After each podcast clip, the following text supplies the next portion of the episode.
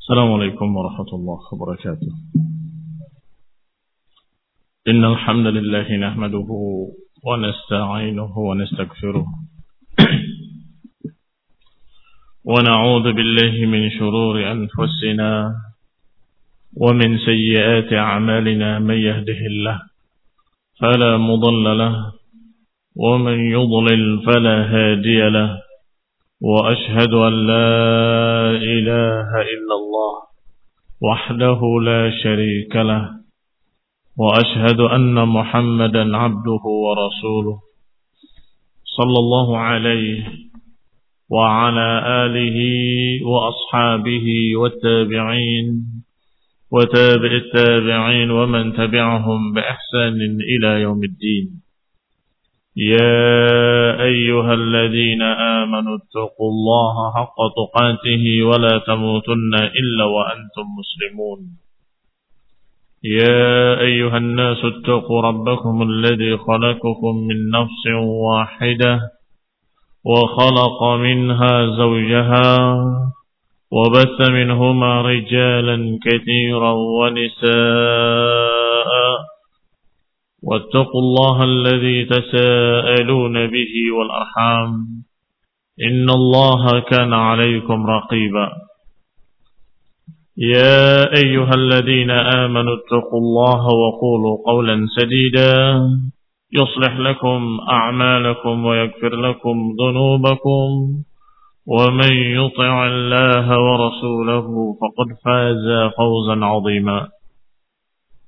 أما بعد فإن خير الحديث كتاب الله وخير الهدي هدي محمد صلى الله عليه وعلى آله وسلم وشر الأمور محدثاتها فإن كل محدثة بدعة وكل بدعة ضلالة وكل ضلالة في النار.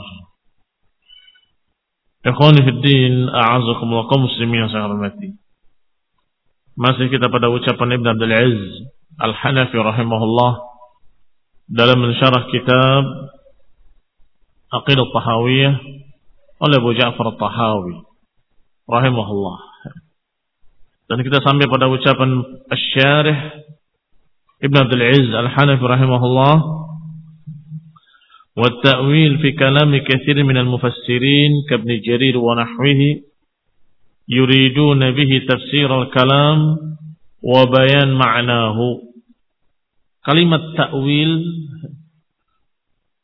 di dalam ucapan kebanyakan para pakar-pakar ahli tafsir seperti Ibnu Jarir dan lain-lainnya maka yang dimaksud adalah tafsir. Kalimat ta'wil yang sering diucapkan oleh para ahli tafsir maksudnya adalah tafsir apa itu tafsir? Yang tafsirul kalam wa bayan maknahu menerangkan kalimat-kalimat, menerangkan ucapan-ucapan atau maksud dari ucapan tersebut. Itu takwil. Sawa'un wafaqa zahiruhu au khalafa. Sama saja apakah mencocoki dohirnya ataupun tidak mencocoki dohirnya. Wahada istilahun ma'ruf. Dan ini istilah yang sudah ma'ruf. Dikenal oleh mereka kalau dikatakan takwil maknanya tafsir. Wahada takwil ke tafsir, maka takwil yang seperti itu hukumnya juga seperti tafsir. Kalau tafsir itu dengan benar, yuhmad, terpuji, hakuhu. Kalau memang hak tafsirnya. Wa yuraddu batiluhu dan tafsir juga ada yang salah menafsirkan, menyimpang, yang tentunya yurad ditolak kalau ternyata tafsirnya menyimpang. Berarti kalau takwil bermakna tafsir terbagi dua. Ada yang mahmud, ada yang mazmum. Ada yang terpuji, ada yang tercela. Sebagaimana tafsir, tafsir yang benar terpuji, tafsir yang menyimpang dia tercela. Sebagaimana ucapan Allah Subhanahu wa taala dalam Al-Qur'an, "Wa ma ya'lamu ta'wilahu illallah, warasikhuna fil 'ilm." Ketika berbicara ayat-ayat mutasyabihat, Allah Subhanahu wa taala menyatakan, "Wa ma ya'lamu ta'wilahu illallah." Enggak akan ada yang mengerti tafsirnya kecuali Allah. Ta'wil bimana tafsir. Warasikhuna fil ilm dan orang-orang yang dalam ilmunya. Di dalam ayat ini ada dua qiraah. Fiha qiraatan. Qiraatun man yaqif ala qawlihi illallah. Ada yang membacanya dengan wakaf pada kalimat illallah. Wa ma ya'lamu ta'wilahu illallah. Kemudian memulai kalimat baru. Warrasikhuna fil ilmi yaquluna amanna bihi kullun min 'indi rabbina. Nah. Berarti la ya'lamu ta'wilahu, tidak mengerti ta'wilnya kecuali Allah. Wa qira'atun man la yaqif indaha dan ada yang membacanya tidak berhenti pada kalimat illallah. Tidak berhenti di sana, tapi disambungkan.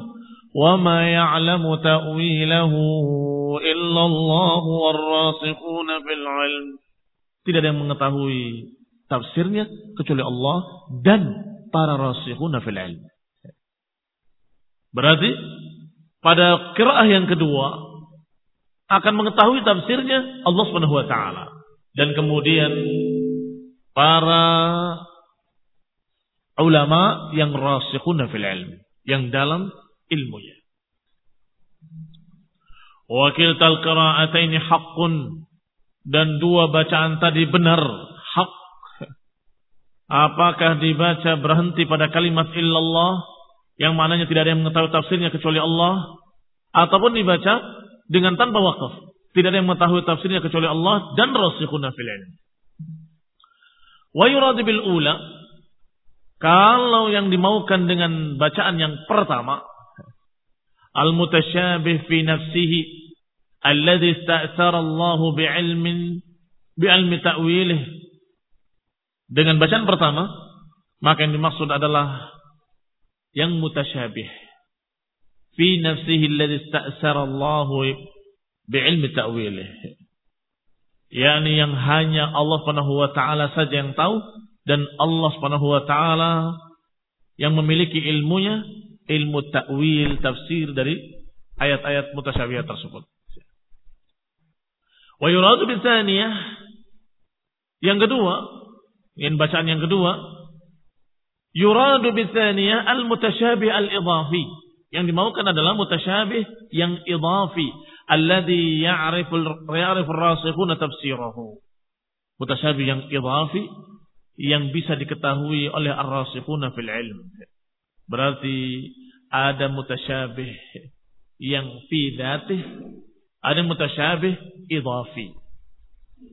Mutasyabih yang fi dhatihi, yani pada kalimat tersebut memang tidak diketahui tafsirnya sama sekali. Tidak dari Allah Subhanahu dalam ayat-ayat lain, tidak pula dari hadis-hadis Rasulullah SAW dalam riwayat-riwayat yang sahih, tidak ada. Maka tidak ada yang berani menebak-nebaknya, hanya menyatakan wa ma ya'lamu ta'wilahu illallah. Titik. Dan kemudian menyatakan aman nabihi kulun min indi rabbina. Ada pun yang kedua, yang dikatakan tidak ada yang mengetahuinya kecuali Allah dan para rasikhun. Yang dimaksud adalah al-mutasyabih yang idafi. Mutasyabih tergantung kepada orangnya. Bagi dia mutasyabih, bagi dia enggak. Pada ini dikatakan idafi. Maka ya arif rasikhun fi tafsirih, maka orang-orang yang dalam ilmunya tahu takwilnya wa huwa ta'wilu. Wa la yuridu man waqafa ala qawlihi illa Allah an yakuna ta'wil. Bimana tafsir lil ma'na? Fa inna lazim hadha an yakuna Allah anzala ala معناه. kalaman la yu'lam ma'nahu. Tetapi kalau dibaca dengan bacaan yang pertama la ya'lamu ta'wilahu illa Allah maka bukan berarti yang dimaksud takwil di sana adalah makna-makna kalimat bukan. Tidak mungkin ada makna kalimat dalam Al-Quran yang tidak diketahui kecuali oleh Allah. Mungkin? Tidak mungkin. Kenapa tidak mungkin? Karena berarti Allah menurunkan Al-Quran kepada Rasulnya dengan ucapan yang tidak bisa dipaham. Dan itu mustahil. Yang layuk lam maknahu. Yang tidak diketahui oleh, oleh manusia maknanya. Oleh jami'ul ummah. Wal rasul. Tidak diketahui pula oleh rasul. Hanya Allah saja yang tahu. Lalu terus untuk apa diturunkan kalimat tadi? Yakunu ar-rasikhuna fil ilmi la hadza lahum fi ma'rifati ma'naha siwa qaulihim. Maka pada saat itu kemudian tidak ada bagian dari para ulama ar-rasikhuna fil ilm la hadza lahum. Enggak ada bagian bagi mereka untuk memahami kalimat-kalimat dalam ayat-ayat tersebut. Hanya ucapan aman nabi kulun min inda rabbina. Pokoknya kami beriman itu dari sisi Rabb kami. Mungkin satu kalimat Allah turunkan, kemudian tidak dipaham maknanya, nggak dipaham maksudnya, kemudian para ulama hanya menyatakan kami percaya pokoknya. Percaya sama apa? Kalau tidak dipaham. Sehingga yang dimaksud dengan kiraatul ula, bacaan yang pertama, wala ya'lamu ta'wilahu illallah, enggak ada yang mengetahui takwilnya kecuali Allah, adalah pada makna-makna yang sifatnya perkara yang gaib yang tidak mengetahui kecuali Allah. Adapun kalimat-kalimatnya dipaham. Kalimat-kalimatnya dipaham. Tetapi maksud yang sebenarnya pada hakikatnya tidak ada mengetahuinya kecuali Allah. Itu makna cerah yang pertama. Wahadal qadr fil ilmi minal mu'minin. Maka tafsir yang seperti itu tadi yang menyatakan ada kalimat-kalimat dalam Al-Quran yang tidak bisa dipahami maknanya kecuali oleh Allah ini adalah kadar yang diucapkan oleh orang yang tidak rasikh ilmunya dari kalangan mukminin. Warasikhuna fil ilmi yajib intiyazuhum an awamil mu'minina fi dzalik. Adapun para ulama ar-rasikhuna fil ilm mesti mereka memiliki keistimewaan yang berbeda dari orang awam. Para ulama ar-rasikhuna fil ilm yang dalam ilmunya mereka memiliki imtiaz, memiliki keistimewaan yang lebih di atas para orang-orang awam dari kaum mukmin. Sebagaimana Ibnu Abbas radhiyallahu taala ketika menafsirkan kalimat-kalimat yang keumuman manusia tidak mengerti, beliau menyatakan ana minar rasikhina fil ilmi alladzina ya'lamuna ta'wilahu. Aku adalah rasikhuna fil ilm maka aku tahu tafsir dari ayat tersebut. Ini bukan ucapan sombong. Karena kesombongan itu adalah ucapan yang diniatkan dalam hatinya untuk membesarkan dirinya. Tapi beliau untuk mengajari kaum muslimin, jangan menafsirkan sendiri, tanyalah kepada ahlinya. Dan kalau ketika itu kebetulan adalah beliau sebagai mangku ilmu, sebagai habrul ummah, maka beliau menyatakan saluni, saluni, Tanyakan kepadaku, tanyakan kepadaku tentang tentang ayat, tentang tafsir. Karena aku tahu di mana turunnya dan apa kata Rasulullah SAW tentangnya. Bahkan beliau berkata, Ana rasikhuna fil ilm. Aku termasuk rasikhina fil ilm. Yang mengetahui tafsir-tafsir dari ayat-ayat. Artinya maksud-maksud dari ayat-ayat tadi bisa dipaham. Diketahui oleh para rasikhuna fil ilm yang dalam ilmunya. Adapun mereka-mereka yang dangkal ilmunya atau mereka-mereka yang barangkali malah tidak punya ilmu sama sekali, maka mereka tidak paham apa maksud ayat ini. Wah ini mutasyabih, mutasyabih, samar-samar. Ya bagi kamu samar-samar.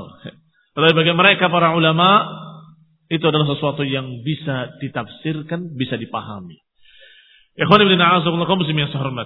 Inilah bacaan kedua wala ya'lamu ta'wilahu illallah warasikhuna fil ilm. Enggak ada yang mengetahui maksudnya kecuali Allah dan orang-orang yang dalam ilmunya. Rasulullah yang paling alim, yang paling dalam ilmunya. Dan kemudian para sahabat, murid-murid langsung dari Rasulullah SAW, mereka lah ar-rasikhuna fil ilm. Dan juga para ulama al-muttabi'una lahum. Dan para ulama yang mengikuti mereka. Yang mengambil dari mereka yang belajar menimba tafsir dan ilmu dari mereka. Inilah ar-rasikhuna fil ilm. Ibnu Abbas radhiyallahu taala anhu adalah memang benar seperti apa kata beliau ana minar rasikhun. Ana minar rasikhin fil ilm. Walaqad sadaqa radhiyallahu anhu dan beliau benar. Karena Nabi sallallahu alaihi wa ala alihi wasallam telah mendoakannya dengan doa Allahumma faqihu fid din wa alimhu ta'wil. Ya Allah, fakihkanlah dia dalam agama dan ajari dia tafsir. Hadis yang dikeluarkan oleh Ibn Abi Syaibah dalam musannafnya dan juga oleh Imam Ahmad dalam Musnad dan Ibn Sa'ad dalam Tabaqat dan sanadnya sahih sebagaimana disahihkan pula oleh Syekh Mukbil rahimahullahu taala. Bahkan kalimat-kalimat yang semakna diriwayatkan dalam kitab-kitab sahih. Seperti dalam Bukhari dengan lafaz lain, Allahumma alimhul kitab. Ya Allah, ajarilah dia Alkitab, yakni Al-Qur'an. Di dalam lafaz Muslim disebutkan kalimat Allahumma alimhul hikmah. Dan juga dalam Bukhari masih ada kalimat lain, Allahumma faqihu fid din. Ada Allahumma alimhul kitab, ada Allahumma alim faqihu fid din dan dalam riwayat Muslim disebutkan Allahumma alimhul hikmah. Ya Allah ajarilah dia hikmah. Maka ini mendukung kebenaran apa yang diriwayatkan oleh Nabi Syaibah dan Imam Ahmad dalam musnadnya. bahwa beliau Ibnu Abbas radhiyallahu taala anhu benar-benar seorang yang alim fid dini wa tafsir. Didoakan oleh Rasulullah SAW yang doa'uhu la yurad, yang doanya tidak tertolak. Berkata Mujahid, Aradtul mushafa ala Ibn Abbas min awalihi ila akhirih. Aku menunjukkan ayat demi ayat dalam mushaf kepada Ibn Abbas. Min awalihi ila akhirih. Dari awalnya sampai akhirnya. Afqahu inda kulli ayatin wa as'alu anha. Dan aku bertafakuh. Berupaya untuk memahaminya. Dan bertanya tentang ayat per ayat. Kepada beliau. Kepada Ibn Abbas. Demikian kata Mujahid. Tadi Mujahid. Murid Ibn Abbas pernah bahkan bukan sekali berulang dari awal ayat sampai akhir ayat dalam mushaf. Kemudian diulang lagi yang pertama lagi. Dan setiap ayat ditanyakan kepada Ibnu Abbas dan Ibnu Abbas menerangkan tafsirnya, menerangkan makna-maknanya. Wa qad tawataratin nuqul anhu annahu takallama fi jami' ma'anil Qur'an. Dan Ibnu Abbas telah diriwayatkan dan mutawatir riwayatnya dari beliau bahwa beliau berbicara, menerangkan ayat per ayat seluruh ayat-ayat dalam Al-Quran. Ya ini nggak ada ayat yang dia berkata, oh ini tidak tahu maknanya, maksudnya hanya Allah yang tahu tidak ada. Diterangkan semuanya.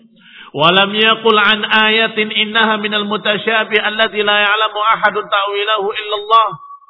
Dan beliau tidak berkata pada satu ayat pun bahwa ayat ini mutasyabih tidak mengetahui maknanya kecuali Allah Subhanahu wa taala. Illa hanya saja pada masalah takif, kaifiyah, pada masalah kayak apa, seperti apa, maka dijawab tidak tahu. Tidak mengetahuinya kecuali hanya Allah. Maka ada pun makna Ar-Rahmanu 'alal 'arsy istawa. Allah yang Maha Rahman di atas arasnya, Maha tinggi, sangat dipaham dan bisa diterangkan. Makna tinggi, makna di atas, makna Jelas sekali, bisa diterangkan. Tetapi ketika ditanya seperti apa? Baru kita katakan la ya'lamu illallah. Tidak ada yang mengetahuinya kecuali Allah. Adapun al-ashab kata syarih al-ashab berarti sahabat-sahabat beliau dari ulama dari madhabnya, madhab Hanafiyah. Wa qaulul ashab adapun ucapan para ulama di madhab kami mereka berbicara tentang usulul mutasyabih bahwa di antara inti ayat-ayat mutasyabihat adalah al-huruful mutaqati'ah. Al-huruf al-muqatta'ah. Huruf-huruf yang terpotong-potong. Seperti kalimat nun. Wal qalami wa ma yasturun. Kalimat nun, apa maksudnya? Apa maknanya? Mereka katakan mutasyabih. Ya, ini menurut ashabu, ashab, asyarih, rahimahullah rahimahumullah ajma'in. Atau kalimat alif lam mim. Semua yang menafsirkan alif adalah Allah, mim adalah Muhammad. Ini semua adalah tidak ada sandaran dalilnya. Sehingga mereka hanya menyatakan dengan kemungkinan-kemungkinan ihtimalat. Maka sahabuna kata beliau menyatakan mutasyabih itu adalah huruf-huruf yang terpotong-potong yang ada di awal-awal surat. Wa dan Abbas dan diriwayatkan pula yang demikian dari Ibn Abbas bahwa apa itu ayat mutasyabih dikatakan alif lam mim, alif lam ra, nun, qaf. Enam. Ma'anna hadhil huruf qad takallama fi ma'naha aktsarun nas. Walaupun pada kalimat-kalimat atau huruf-huruf tadi pun ada tafsir-tafsir dari para ulama. Mereka menafsirkan. Bahkan aksarun nas, kebanyakan manusia, mereka menafsirkan makna-makna kalimat tadi. Apa maksud qaf? Dikatakan Quran. Apa maksud Eh, khad, apa maksud alif, lam dan mim dan seterusnya, mereka menerangkan. Fa in kana ma'naha ma'rufan faqad 'arafa ma'na al-mutasyabih. Kalau maknanya diketahui, berarti ayat-ayat mutasyabih bisa diketahui. Bagaimana anak makna ayat tadi? Wala ya'lamu ta'wilahu illallah. Wa in lam yakun ma'rufan, kalau memang tidak dikenal, wahil mutasyabih kana ma siwaha ma'lumul ma'na wahadal matlub. Kalau memang itu yang tidak ma'ruf, tidak dikenal, maka itulah ayat mutasyabih. Ini kalimat-kalimat atau huruf-huruf terpotong-potong tadi, itu yang mutasyabih yang tidak dikenal apa tafsirnya, apa takwilnya. Taib, kalau begitu, yang selain itu adalah bukan mutasyabih. Ini bantahan dari mereka para ulama terhadap para mufawwid para mufawwidhin. Ahlu tafwid atau lebih tepatnya ahlu tajhil kata Syekhul Islam Ibnu Taimiyah yang tidak mau menafsirkan. Walaupun makna-maknanya jelas dalam bahasa Arab, mereka tidak mau menerjemahkan, tidak mau menafsirkan dan nggak mau menyatakan dengan kalimat-kalimat bahasa Arab. Pokoknya maknanya tidak tahu. Keserahkan pada Allah. Dan bukan satu ayat. Seluruh ayat-ayat sifat, seluruh ayat-ayat yang berbicara tentang sifat Allah, perbuatan Allah, Semuanya mereka katakan ini mutasyabihat. Karena mutasyabihat, la ya'lamu ta'wilahu illallah. Karena mutasyabihat, maka tidak ada yang mengetahui takwilnya kecuali Allah. Bagaimana kita membantah mereka? Berarti makna tangan Allah tangan mereka tidak tahu. Apa makna Ar-Rahman di atas arasnya? Tidak tahu. Maknanya tidak tahu. Semuanya tidak diketahui dan dikatakan serahkan saja pada Allah Taala. La ya'lamu ta'wilahu illallah. Pertama kita bahas ayatnya. Kamu berdalil dengan la ya'lamu ta'wilahu illallah. Kita katakan bahwa ada dua bacaan di sana. Ada bacaan la ya'lamu ta'wilahu illallah titik dan ada wa la ya'lamu ta'wilahu illallah warasikhuna fil ilmi. Tidak ada yang mengetahui tafsirnya, takwilnya kecuali Allah dan para rasikhuna fil ilm. Berarti ada para ulama. Kamu mungkin gak ngerti, tapi para ulama paham. Baik, itu satu. Yang kedua, bahwa mutasyabih yang dinukil dari Ibn Abbas hanya ayat-ayat, uh, kalimat-kalimat, huruf-huruf lebih tepatnya yang terpotong-potong di awal-awal surat. Seperti alif lam mim, alif lam ra. Enam atau kalimat qaf, sad dan seterusnya. Hanya itu. Berarti selain itu adalah perkara-perkara yang diketahui tafsirnya oleh para ulama, para rasikhuna fil ilm. Wa aydan fa inna Allah qala minhu ayatun muhkamatuhunna ummul kitab wa ukhra mutasyabihat. Lagi pula yang sedang dibicarakan adalah ayat-ayat. Kata Allah, minhu ayatun muhkamatun hunna ummul kitab. Itu adalah ayat muhkamat dan itulah induk kitab. Wa ukharu mutasyabihat dan yang lain ada yang mutasyabihat. Tapi bagaimana dengan huruf-huruf tadi? Wa hadil huruf laisat ayatun 'inda jumhur al-'addi. Adapun huruf-huruf tadi mereka tidak menyebutkannya ayat. Mereka tidak menganggap sebagai ayat. Ini kebanyakan para adin, orang-orang yang menghitung, orang-orang yang menganggap yang menghitung ayat demi ayat dalam Al-Quran, menyatakan bahwa huruf tadi bukan ayat. Berarti qaf wal Qur'anil Majid, wal Qur'anil Majid baru ayat. Sedangkan qaf bukan ayat. Walaupun ada sebagian dari para ulama yang menyatakan bahwa itu termasuk ayat sebagaimana dihitung di dalam mushaf Utsmani dengan ayat pertama. Kemudian ayat kedua. Dan itu disebutkan oleh Ibnu Abbas sendiri sebagaimana dinukil oleh Suyuti dalam tafsir Ad-Durul Mansur wa ta'wil fi kalamil mutaakhirin min al-fuqaha wal mutakallimin wa sarf al-lafz an al-ihtimal ar-rajih ila ihtimal al-marjuh li dalalatihi li dalalatin tujibu dhalik. Adapun takwil menurut ucapan-ucapan orang belakangan. Tadi takwil yang kita bahas adalah takwil menurut para ahli tafsir seperti Ibnu Jarir At-Tabari dan lain-lainnya, termasuk Ibnu Abbas radhiyallahu taala anhuma dan para ulama dari kalangan murid-murid beliau para ahli tafsir. Adapun orang-orang belakangan memaksudkan makna takwil bukan tafsir. Berarti istilah yang sama di masa-masa terdahulu dimaknakan dengan maksud tafsir, tetapi di masa-masa belakangan bukan itu maknanya. Apa takwil maknanya? Lil mutaakhirin bagi orang-orang belakangan Ta'wil maknanya adalah sarful lafzi anil ihtimalir rajih ila ihtimalil marjuh. Menyelewengkan makna lafat-lafat Al-Quran dari kemungkinan yang rajih kepada kemungkinan, kemungkinan yang tidak rajih. Karena ada alasan tertentu. Karena ada pendalilan tertentu. Ini orang-orang belakangan. Jadi kalau menyatakan ini bukan tafsir, ini takwil. Maksudnya maksudnya menyelewengkan dari makna yang rajih kepada makna lain. وهذا هو التأويل الذي تنازع الناس فيه في كثير من الأمور al-khabariyah al-talabiyah, fatawil as-sahih minhu alladhi yuwafiq ma dalla alaihi nususul kitab was sunnah.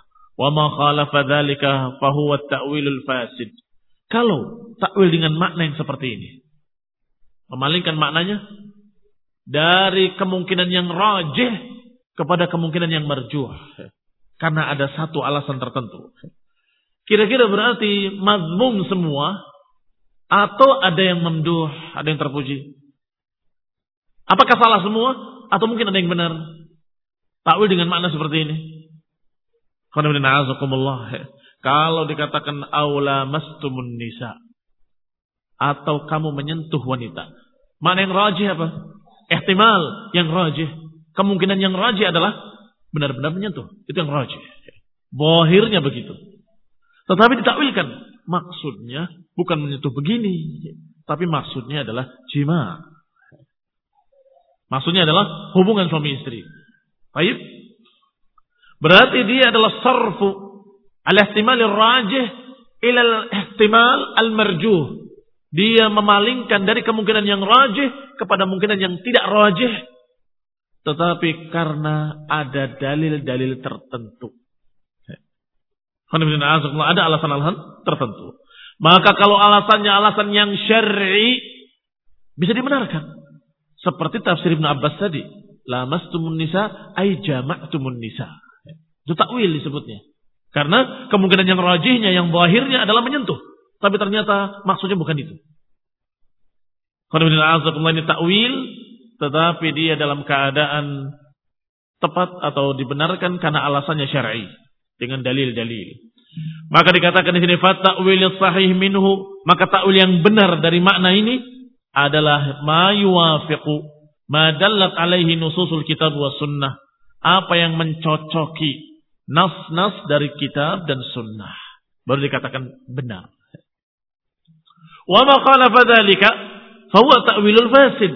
Dan apa yang menyelisihi dari apa yang disebutkan dalam Quran dan Sunnah, maka itu adalah tafsir uh, takwil yang fasid. Karena alasan-alasannya tidak syar'i. Bukan berdasarkan Quran dan Sunnah, bukan dengan alasan-alasan itu, tapi dengan alasan lain alasan akalnya sendiri. Ini kayaknya mustahil. Mungkin maksudnya bukan rafa'na fawqakumut tur, mungkin maksudnya bukan diangkat Bukit Tursina kepada di atas mereka, tapi mereka diangkat di Bukit Tursina.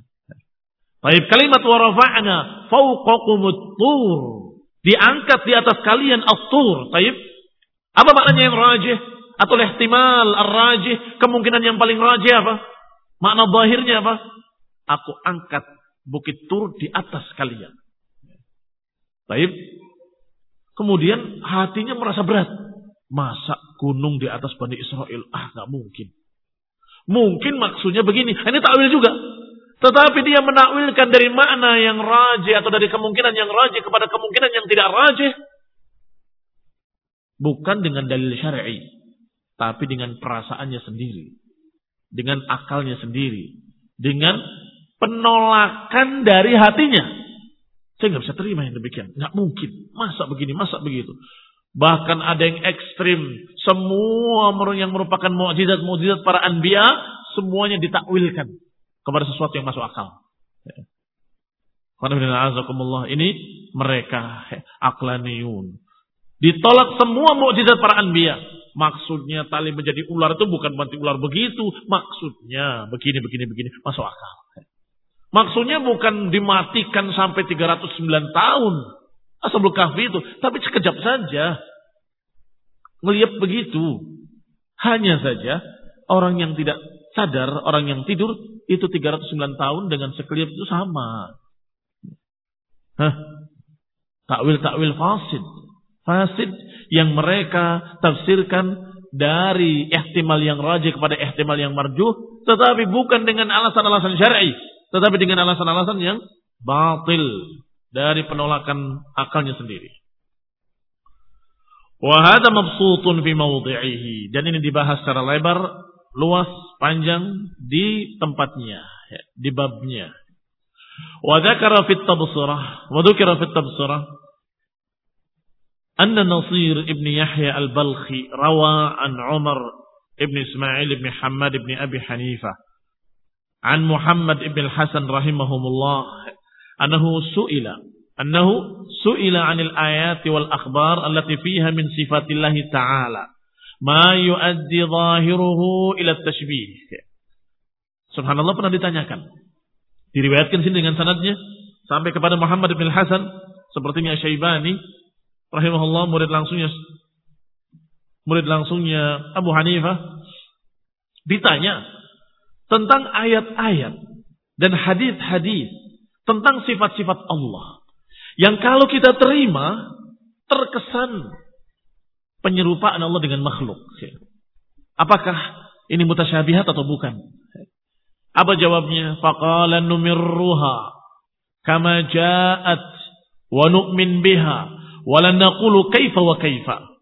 Wa yajib an ya'lam an ya'lam anna al-ma'na al-fasid al-kufri laysa huwa zahirun nas wala muqtadahu wa anna man fahima dhalika minhu fahuwa liqusuri fahmihi wa naqsi ilmihi وإذا كان قد قيل في قول بعض الناس وكم من عائب قولا صحيحا وآفته من الفهم السقيم dijawab bahwa ayat-ayat mutasyabih, ayat-ayat yang berkenaan dengan sifat-sifat Allah atau hadis-hadis yang berkenan dengan sifat-sifat Allah yang terkesan tasbih. Apa jawabannya? Numir ruha kama kita baca seperti apa adanya. Dan kita percaya seperti apa adanya, yakni dohirnya. Wala naqulu kaifa. Dan jangan bertanya dan kita tidak bertanya kayak apa dan kayak apa. Wa yajib an yu'lam. Dan harus diketahui bahwa makna yang rusak, makna yang kufur, yakni makna tasbih tadi, terkesan penyerupaan. Itu makna fasid, makna yang rusak, makna yang fasid. Kita katakan bahwa yang terpikir di dirimu tadi, bahwa itu adalah terkesan penyerupaan, itu makna fasid, makna kufur yang tidak merupakan dohir dari ayat tersebut. Wala muktabahu dan bukan pula makna yang terkandung di dalamnya. Kalau dikatakan dengan kalimat fa innaka bi'ayunina, sesungguhnya engkau di bawah pengawasan mata kami kata Allah. Disebut mata. Maka apa maksud ayat ini? Kata beliau, ucapkan apa adanya. Numirruha kama ja'at. Kita lewati seperti apa adanya. Bahwasanya Allah Subhanahu wa taala mengawasi kita dengan matanya. Loh nanti terkesan sama dengan makhluk. Kesan itu yang batil. Kesan tadi yang rusak, yang ada di pikiranmu, itu yang salah. Jangan kamu percaya. Walaupun kita beriman Allah memiliki mata, Walaupun kita percaya bahwa Allah memiliki yad sebagaimana Allah katakan dalam Al-Quran, tetap kita yakin mata Allah tidak sama dan tidak mungkin sama dengan makhluknya. Tangan Allah tidak sama dan tidak mungkin sama dengan makhluknya. Kita bantah kesan tadi. Ayatnya jangan dirubah, jangan diganti, jangan diseret-seret ke mana-mana. Numirruha kama ja'at. Kita lewati seperti apa adanya. Kita pahami seperti apa adanya, seperti zahirnya. Dan kesan-kesan penyerupaan tadi, itulah kesan-kesan yang salah, kesan-kesan yang batil. Dan itu bukan makna ayat, itu bukan maksud ayat. Dan itu tidak terkandung dalam ayat sama sekali. Berarti di mana itu adanya kalau bukan dalam ayat? Di pikiran kita sendiri, wah kayaknya jadi kayak seperti makhluk dong.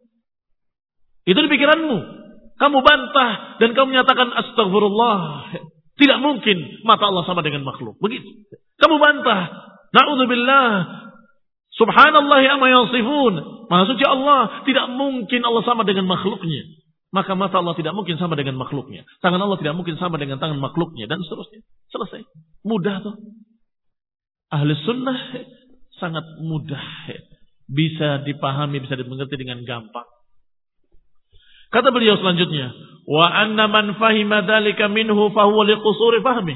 Maka barang siapa yang memahami seperti itu, memahami tasbih, memahami penyerupaan, fahuwa liqusuri fahmi, karena itu karena dangkalnya pemahaman dia. Wa naqsi ilmi dan karena kurangnya ilmu dia. Wa idza kana qad qila fi qawli ba'dhin nas dan jika kalaupun sudah diucapkan dalam ucapan sebagian manusia wa kam min aibin qawlan sahihan wa afatuhu min al-fahmi istaqimi betapa banyak seorang yang aib keluar dari orang yang memiliki kekurangan aib terucap kaulan sahihan, ucapan yang sahih. Wa afatuhu minal fahmi saqimi. Tetapi kejelekannya adalah dari pemahaman yang rusak. Orang yang jelek kadang berucap benar. Tetapi ucapan benar tadi, masalahnya adalah dia memahaminya jelek. Terbayang nggak orang yang seperti itu? Dia mengucapkan kalimat yang benar. Yang kamu lihat secara dohirnya, benar ini orang. Padahal ini orang agak dungu sedikit. Tapi kalimatnya benar. Ternyata apa yang kamu memahami dari kalimat yang benar tadi, si pembicaranya memahami salah. Bukan begitu. Ini khonidina azakumullah. Berarti bisa saja terjadi. Dia membaca Al-Quran, memahami dengan salah. Dikira yang salah bukan dirinya.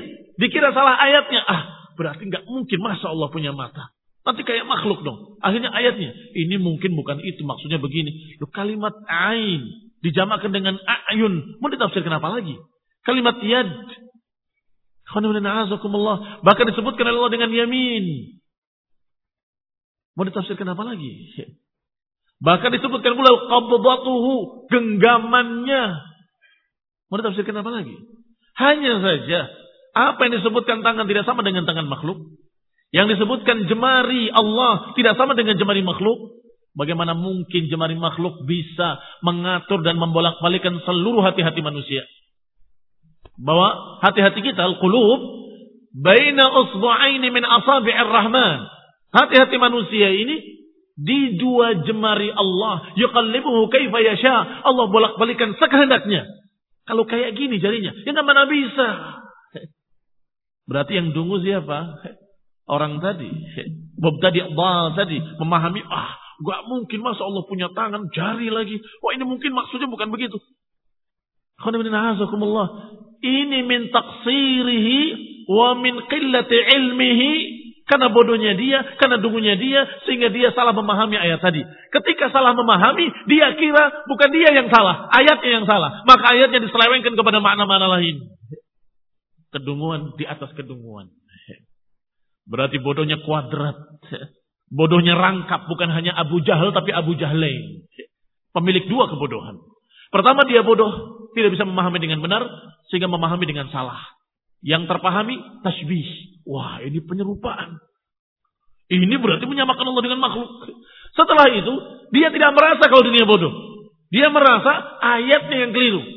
Ini Allah nyebutkan dengan kalimat-kalimat yang gak tepat. Mestinya dengan, jangan dengan kalimat ini. Harusnya dengan jangan dengan kalimat istawa, tapi istaulah. Mestinya jangan dengan kalimat jaa Rabbuka. Tapi dengan kalimat ja'a amru rabbik. Mestinya jangan dengan kalimat ini. Astagfirullahaladzim. Sudah bodoh menyalahkan kalimat ayat-ayat Al-Quran lagi. Abu Jahalain. Pemilik dua kebodohan.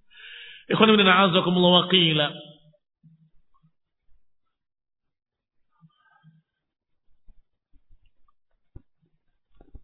Alayya nahtul qawafi min ma'adiniha. Wa ma alayya idha lam tafhamil baqaru. Nah, agak anu sedikit. Agak nyelkit syairnya. Kami atas aku yang mengatur kafiah-kafiahnya. Dari sumber-sumbernya.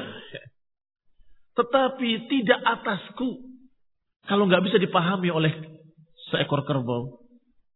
Al-Baqar. Sapi. Aku menyebutkan apa kalimat-kalimatnya, syair-syairnya dengan bagus. Dengan kafiyah-kafiyahnya. Dan dari sumber bahasa Arab yang paling fusha.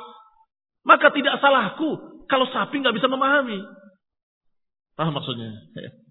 Kalau ada yang salah paham, kemudian aku disalahkan, ya jangan salahkan aku kalau aku sudah menyebutkan dengan kalimat yang benar, kemudian ada orang yang menyalah menyalahpahami dan kemudian dia salah pahamnya. Ya jangan salahkan aku kalau sapi nggak bisa memahami.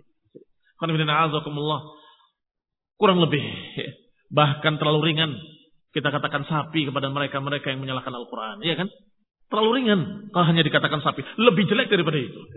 Inhum illa kal'an'ami balhum awal.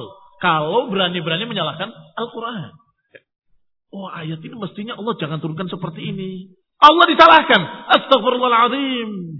Sampai menyatakan, ini berarti mestinya Allah turunkan seperti ini. Kalimatnya jangan lafaz seperti ini. Terkesan tasbih akhirnya. Menyalahkan Allah SWT. Wallah, ini lebih dungu dari sapi.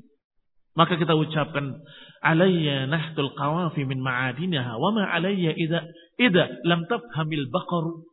Bukan atasku kalau sapi nggak bisa memahami. Ya salah sapinya memang dungu nggak bisa memahami. Fakaifa yuqal fi qaulillah. Ini baru ucapan-ucapan syair. Sudah dikatakan sapi oleh penyair tadi. Bagaimana kalau sekarang ucapan-ucapan Allah Subhanahu wa taala kemudian disalahpahami oleh mereka. Setelah itu menyalahkan kalimat-kalimatnya, menyalahkan kata-katanya dan menyatakan sebaiknya, semestinya begini, semestinya begitu. Ini kalimatnya harusnya bukan ini, bukan itu. Astagfirullahaladzim. Istaghfiru rabbakum. Minta ampunlah kalian kepada Allah Subhanahu wa taala. Jangan terlalu lancang berani menyalahkan Al-Quran. Lafat-lafat dalam Al-Quran kalimat-kalimat dalam Al-Quran semuanya adalah ucapan Allah yang paling sempurna. Pilihan kalimatnya adalah pilihan yang paling tepat. Tidak mungkin salah. Maka jangan lancang menyalah-nyalahkan kalimat-kalimat dalam Al-Quran. Alladhi huwa asdaqul kalamu ahsanul hadith.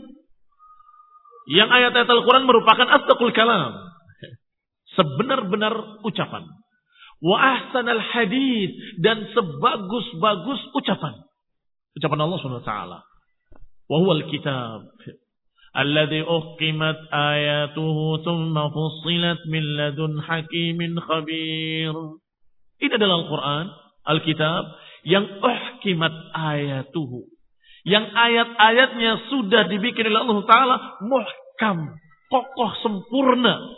Thumma fussilat kemudian dirincikan oleh Allah SWT. Dirincikan dari siapa? Dari sisi hakimin khabir. Dari sisi yang maha hikmah. Maha memiliki hikmah dan maha mengetahui khabir. Termasuk di dalamnya. Maha mengetahui bahasa yang tepat untuk disampaikan pada kalian manusia. Allah ta'ala hakimin khabir. Maha mengetahui, maha memiliki hikmah di antaranya Allah mengetahui apa hikmahnya kalau dipakai kalimat ini, apa hikmahnya kalau pakai kalimat itu. Dan apa yang akan dipahami kalau pakai kalimat ini dan apa yang akan dipahami kalau pakai kalimat itu. muslimin yang saya hormati. Maka kalau kita yakin beriman bahwa Al-Quran dari sisi Al-Hakim Al-Khabir, dari sisi Allah yang Maha Hakim dan Maha Khabir, maka pasti, pasti, pasti, pasti, pasti ucapannya paling tepat, kalimat-kalimatnya paling pas, kata-katanya tidak mungkin salah. Inna haqiqata qawlihim inna al Quran wal hadis wa dhalal. Mereka dengan ucapan-ucapan mereka tadi hakikat qaulihim inti yang ada pada ucapan-ucapan mereka itu adalah bahwa zahirnya Al-Qur'an tidak tepat. Itu alusnya. Kasarnya zahirul Quran wal hadis huwa dhalal. Menurut mereka dohir ayat, dohir Quran, dohir hadis itu sesat.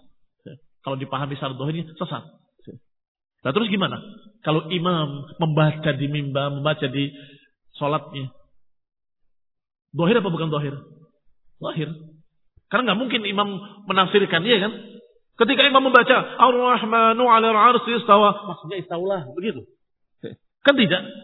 Kalau kamu menyatakan bahwa zahir ayat ini sesat, jangan dipahami secara zahirnya. Bagaimana dengan imam-imam masjid dan di kalangan orang-orang Arab, para pendengarnya orang-orang Arab mendengarkan Ar-Rahmanu 'alal 'arsy istawa. Ar-Rahman Maha tinggi di atas arasnya. Apa yang dipahami oleh mereka secara zahir? Sesat. Innalillah wa inna ilaihi raji'un. Kalau Allah Subhanahu wa taala menyatakan yadullahi fawqa aydihim dan tangan Allah di atas tangan mereka, maksudnya bukan anu loh. Masa imamnya begitu? Tidak mungkin. Maka imam akan membaca apa adanya dalam sholat-sholatnya dan makmumnya orang-orang Arab memahami secara zahir-zahirnya. Apakah berarti imamnya sesat? Memahami secara zahir atau menyampaikan secara zahir tanpa tafsir? Atau lebih tepatnya tanpa takwil?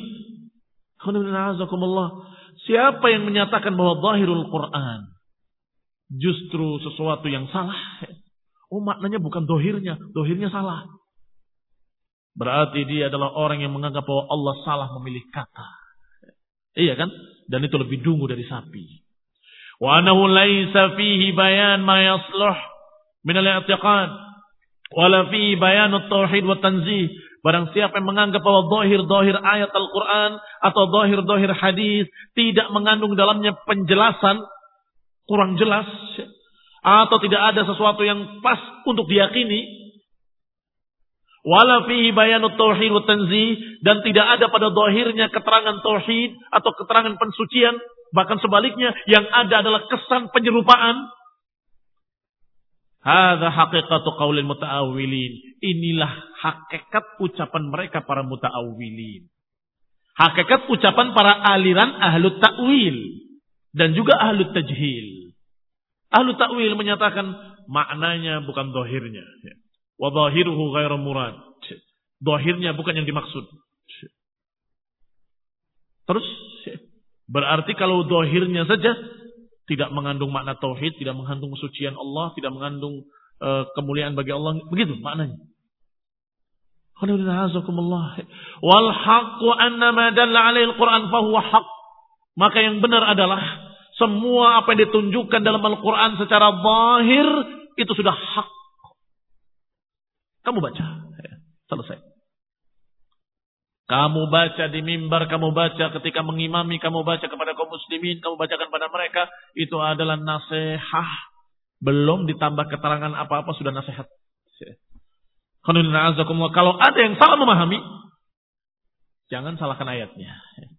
Salahkan orangnya. Sebagaimana penyair tadi menyatakan, "Wa ma idlam tabhamil baqar Bukan salahku kalau sapi nggak bisa memahami. Aku sudah menyusunnya dengan bahasa Arab yang fusha. Aku sudah menyusunnya dengan bahasa Arab yang sempurna, yang baik. Dengan cara-cara yang bagus. Dengan kofiyah-kofiyah yang bagus. Kata penyair ini. Kemudian ada yang salah memahami. Fama alaiya. Maka apa salahku? Apa aku disalahkan? Illam tafhamil baqaru. Kalau sapi itu tidak bisa memahami. Ini baru syair. Apalagi ayat-ayat Al-Quran. Apalagi ayat-ayat Al-Quran. Maka kalau ada yang salah memahami, bukan salah kamu. Ketika imamnya membaca. Ayat tadi, Ar-Rahmanu alal arsi istawa. Atau membaca Yadullah fauqa Kemudian si makmumnya setelah selesai, wah baru tahu saya. Ternyata tangan Allah sama dengan tangan kita ya. ya. Tadi imam baca begitu. Baru tahu saya, ternyata Allah itu memiliki tempat sehingga tempatnya lebih luas dari Allah. Bal orang ini. Apakah kita katakan ini gara-gara si imam? Kamu imam, kenapa baca ayat yang seperti itu? Apa kesalahan imamnya? La, la alayya. In lam tafhamil baqaru. Jangan salahkan yang ngomong kalau sapi nggak bisa memahami. Jangan salahkan yang menyebutkan kalimat-kalimat tadi. Kalau sapi nggak bisa memahami, dia salahkan sapinya. Kamu sapi, nggak bisa memahami ayat-ayat Al-Quran. Ayatnya tidak memaksudkan ke sana. Hadisnya nggak memaksudkan ke sana. Kalimat-kalimat tadi nggak ke sana larinya. Kamu sendiri yang salah paham. Mudah-mudahan jelas apa yang dimaksud oleh Ibn Abdul Aziz Al-Hanafi rahimahullah dalam kitab ini. Kata beliau, Wal haqqu anna ma dalla alaihi al-Qur'an fahuwa haqq. Yang benar adalah semua yang ditunjukkan oleh Quran dalam kalimat-kalimatnya itu adalah yang hak. Wa ma kana batilan lam yadullu alaih dan apa-apa yang batil tidak dimaksud oleh Al-Qur'an. Kalau dia memahami salah, memahami batil, itu bukan yang dimaksud oleh Al-Quran. Atau memahami tasyabuh, memahami tasbih, ini berarti menyamakan. Itu bukan dari Quran dan bukan dimaksud oleh Quran. Wal munazi'una yadda'una dalalatahu alal batil alladhi yata'ayyan sarfuhu. Sedangkan mereka ahlul bid'ah, ahlul ahwa, para pengekor hawa nafsu dari kalangan muta'awwilun atau mu'awwilun, para pentakwil-pentakwil, mereka menganggap mengaku-ngaku bahwa dohir ayatnya ini menunjukkan kebatilan. Berarti harus ditakwil. Silahkan hukumi orang kayak gini. Sesat apa enggak sesat? Silahkan kalian hitung sendiri. Silahkan kalian hakimi. Sangat jelas. Menyatakan ayat ini dohirnya mengandung kesesatan. Maka kita harus sorfuhu. Harus kita takwilkan kepada makna lain. Dan Alhamdulillah mereka terang-terangan mengatakan seperti itu. Ya ini bukan tuduhan-tuduhan saja. Mereka terang-terangan menyatakan ketika menafsirkan, menakwilkan, mereka berkata bahwa zahirul ayat, bahwa zahir ayatnya ya dulu ala tashbih. Wa yajib alaina an nu'awwil. Bahwa zahir ayatnya mengesankan penyerupaan. Maka kita harus menakwilkan. Masya Allah. Kesalahan pertama diiringi dengan kesalahan kedua. Apa kesalahan pertama? Salah memahami ayat. Dikira ayat itu zahiruhu tashbih. Dikira ayat itu mengesankan penyerupaan. Setelah itu kesalahan kedua lebih besar. Ayatnya yang diselewengkan maknanya kepada makna lain. Dengan tebak-tebakan. Mungkin maksudnya begini. Mungkin maksudnya begitu. Kok pakai tebak-tebakan? Apa yang Allah sudah pilihkan pasti benar. Kalau terkesan tasbih, kesan kamu yang salah. Kamu katakan tidak. Tidak terkesan menyerupakan sama sekali. Bahkan tangan Allah tidak sama dengan tangan makhluk. Bahkan genggaman Allah ketika menggenggam bumi tidak sama dengan makhluk ketika menggenggam sesuatu. Tidak sama. Tidak sama dengan makhluk mana pun dan kaifiahnya tidak diketahui. Wallahu taala a'lam wa la ya'lamu ta'wilahu illallah. Selamat. Jalan yang paling selamat adalah jalan ahli sunnah. Jalan Quran wa sunnah dan meninggalkan jalan-jalan kelancangan. Mungkin begini, mungkin itu lancang namanya. Sok berani menafsirkan ke sana kemari, padahal dohirnya sudah jelas. Dohirnya sudah jelas. Perlu tafsir apa lagi? Apa kata para ulama tadi? Padahal yang disebutkan dengan kalimat ashabuna. Berarti dari madhab beliau. Dari madhabnya Abdul Aziz al-Hanafi, yaitu madhab Hanafi. Padahal madhab Syafi'iyah juga sama. Madhab Malikiyah juga sama. Dan juga madhabnya Hanabilah juga sama. Mereka ketika ditanya masalah-masalah yang seperti itu jawabannya sama. Numir ruha kama ja'at bila kaif. Kita lewati apa adanya tanpa bertanya kayak apa dan kayak apa. Imam Ahmad menyatakan ucapan seperti itu. Imam Malik juga ketika ditanya tentang istiwa, diam. Ya. Sampai keringat dinginnya keluar sebiji-biji jagung. Karena jengkelnya dengan pertanyaan tadi. Ketika ditanya, kayak apa istiwanya Allah? Sampai beberapa saat, beliau menundukkan kepalanya, kemudian mengangkatnya. Dan berkata, al-istiwa ma'lum. Istiwa sudah jelas maknanya. Dan kayak apanya tidak diketahui. Dan beriman kepadanya wajib dan bertanya tentangnya adalah bid'ah. Keluarkan itu orang. Akhrij hadal mubtadi' keluarkan si mubtadi' tadi, diusir dari majlis beliau rahimahullah. Sedangkan Imam Syafi'i sebagaimana dinukil oleh murid-muridnya bahkan punya kitab khusus Ittiqad Ashabul Hadis oleh Abu Uthman As-Sabuni Asy-Syafi'i. Abu Uthman As-Sabuni Asy-Syafi'i. Juga sama pembahasannya dalam masalah ayat-ayat Allah numirruha kama ja'at bila kaif melewatinya apa adanya secara zahirnya tanpa menakwil-nakwilkan ke sana kemari dan tanpa mempertanyakan kayak apa kayak apa dan tidak menyamakan dengan makhluk. Jangan dikira kalau kita menerima zahirnya berarti menyamakan dengan makhluk. Sebagai sebagaimana tuduhan dusta dari mereka terhadap Syekhul Islam Ibnu Taimiyah. Syekhul Islam itu menyatakan bahwa Allah telah turun ke langit dunia seperti turunnya dari mimbar. Ini kadzab, ya, dusta. Syekhul Islam tidak menyatakan seperti itu. Silahkan baca bukunya Aqidah Al-Wasutiyah yang berbicara tentang asma dan sifat. Beliau menyatakan dengan larangan tidak boleh menyerupakan dengan makhluk. Kenapa dituduh demikian? Karena ketika ahli sunnah menyatakan pokoknya dohirnya adalah hak. Tangan Allah di atas tangan mereka. Dohirnya adalah hak bahwa Allah di atas aras yang maha tinggi. Dohirnya adalah hak bahwa Allah turun ke langit dunia seperti ke malam terakhir. Dohirnya hak Berarti kamu menyamakan. Berarti, berarti, berarti. Itu yang tuduhkan mereka. Itu adalah tuduhan-tuduhan mereka. Padahal para ulama ahlu sunnah tidak menyerupakan dengan makhluk.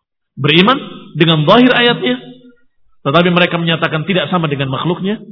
Dan kemudian mereka menyatakan tidak perlu bertanya-tanya kayak apa dan kayak apa. Dan jangan menakwilkannya ke sana kemari. Wallahu ta'ala a'lam. Nasla taufiq wa afiyah.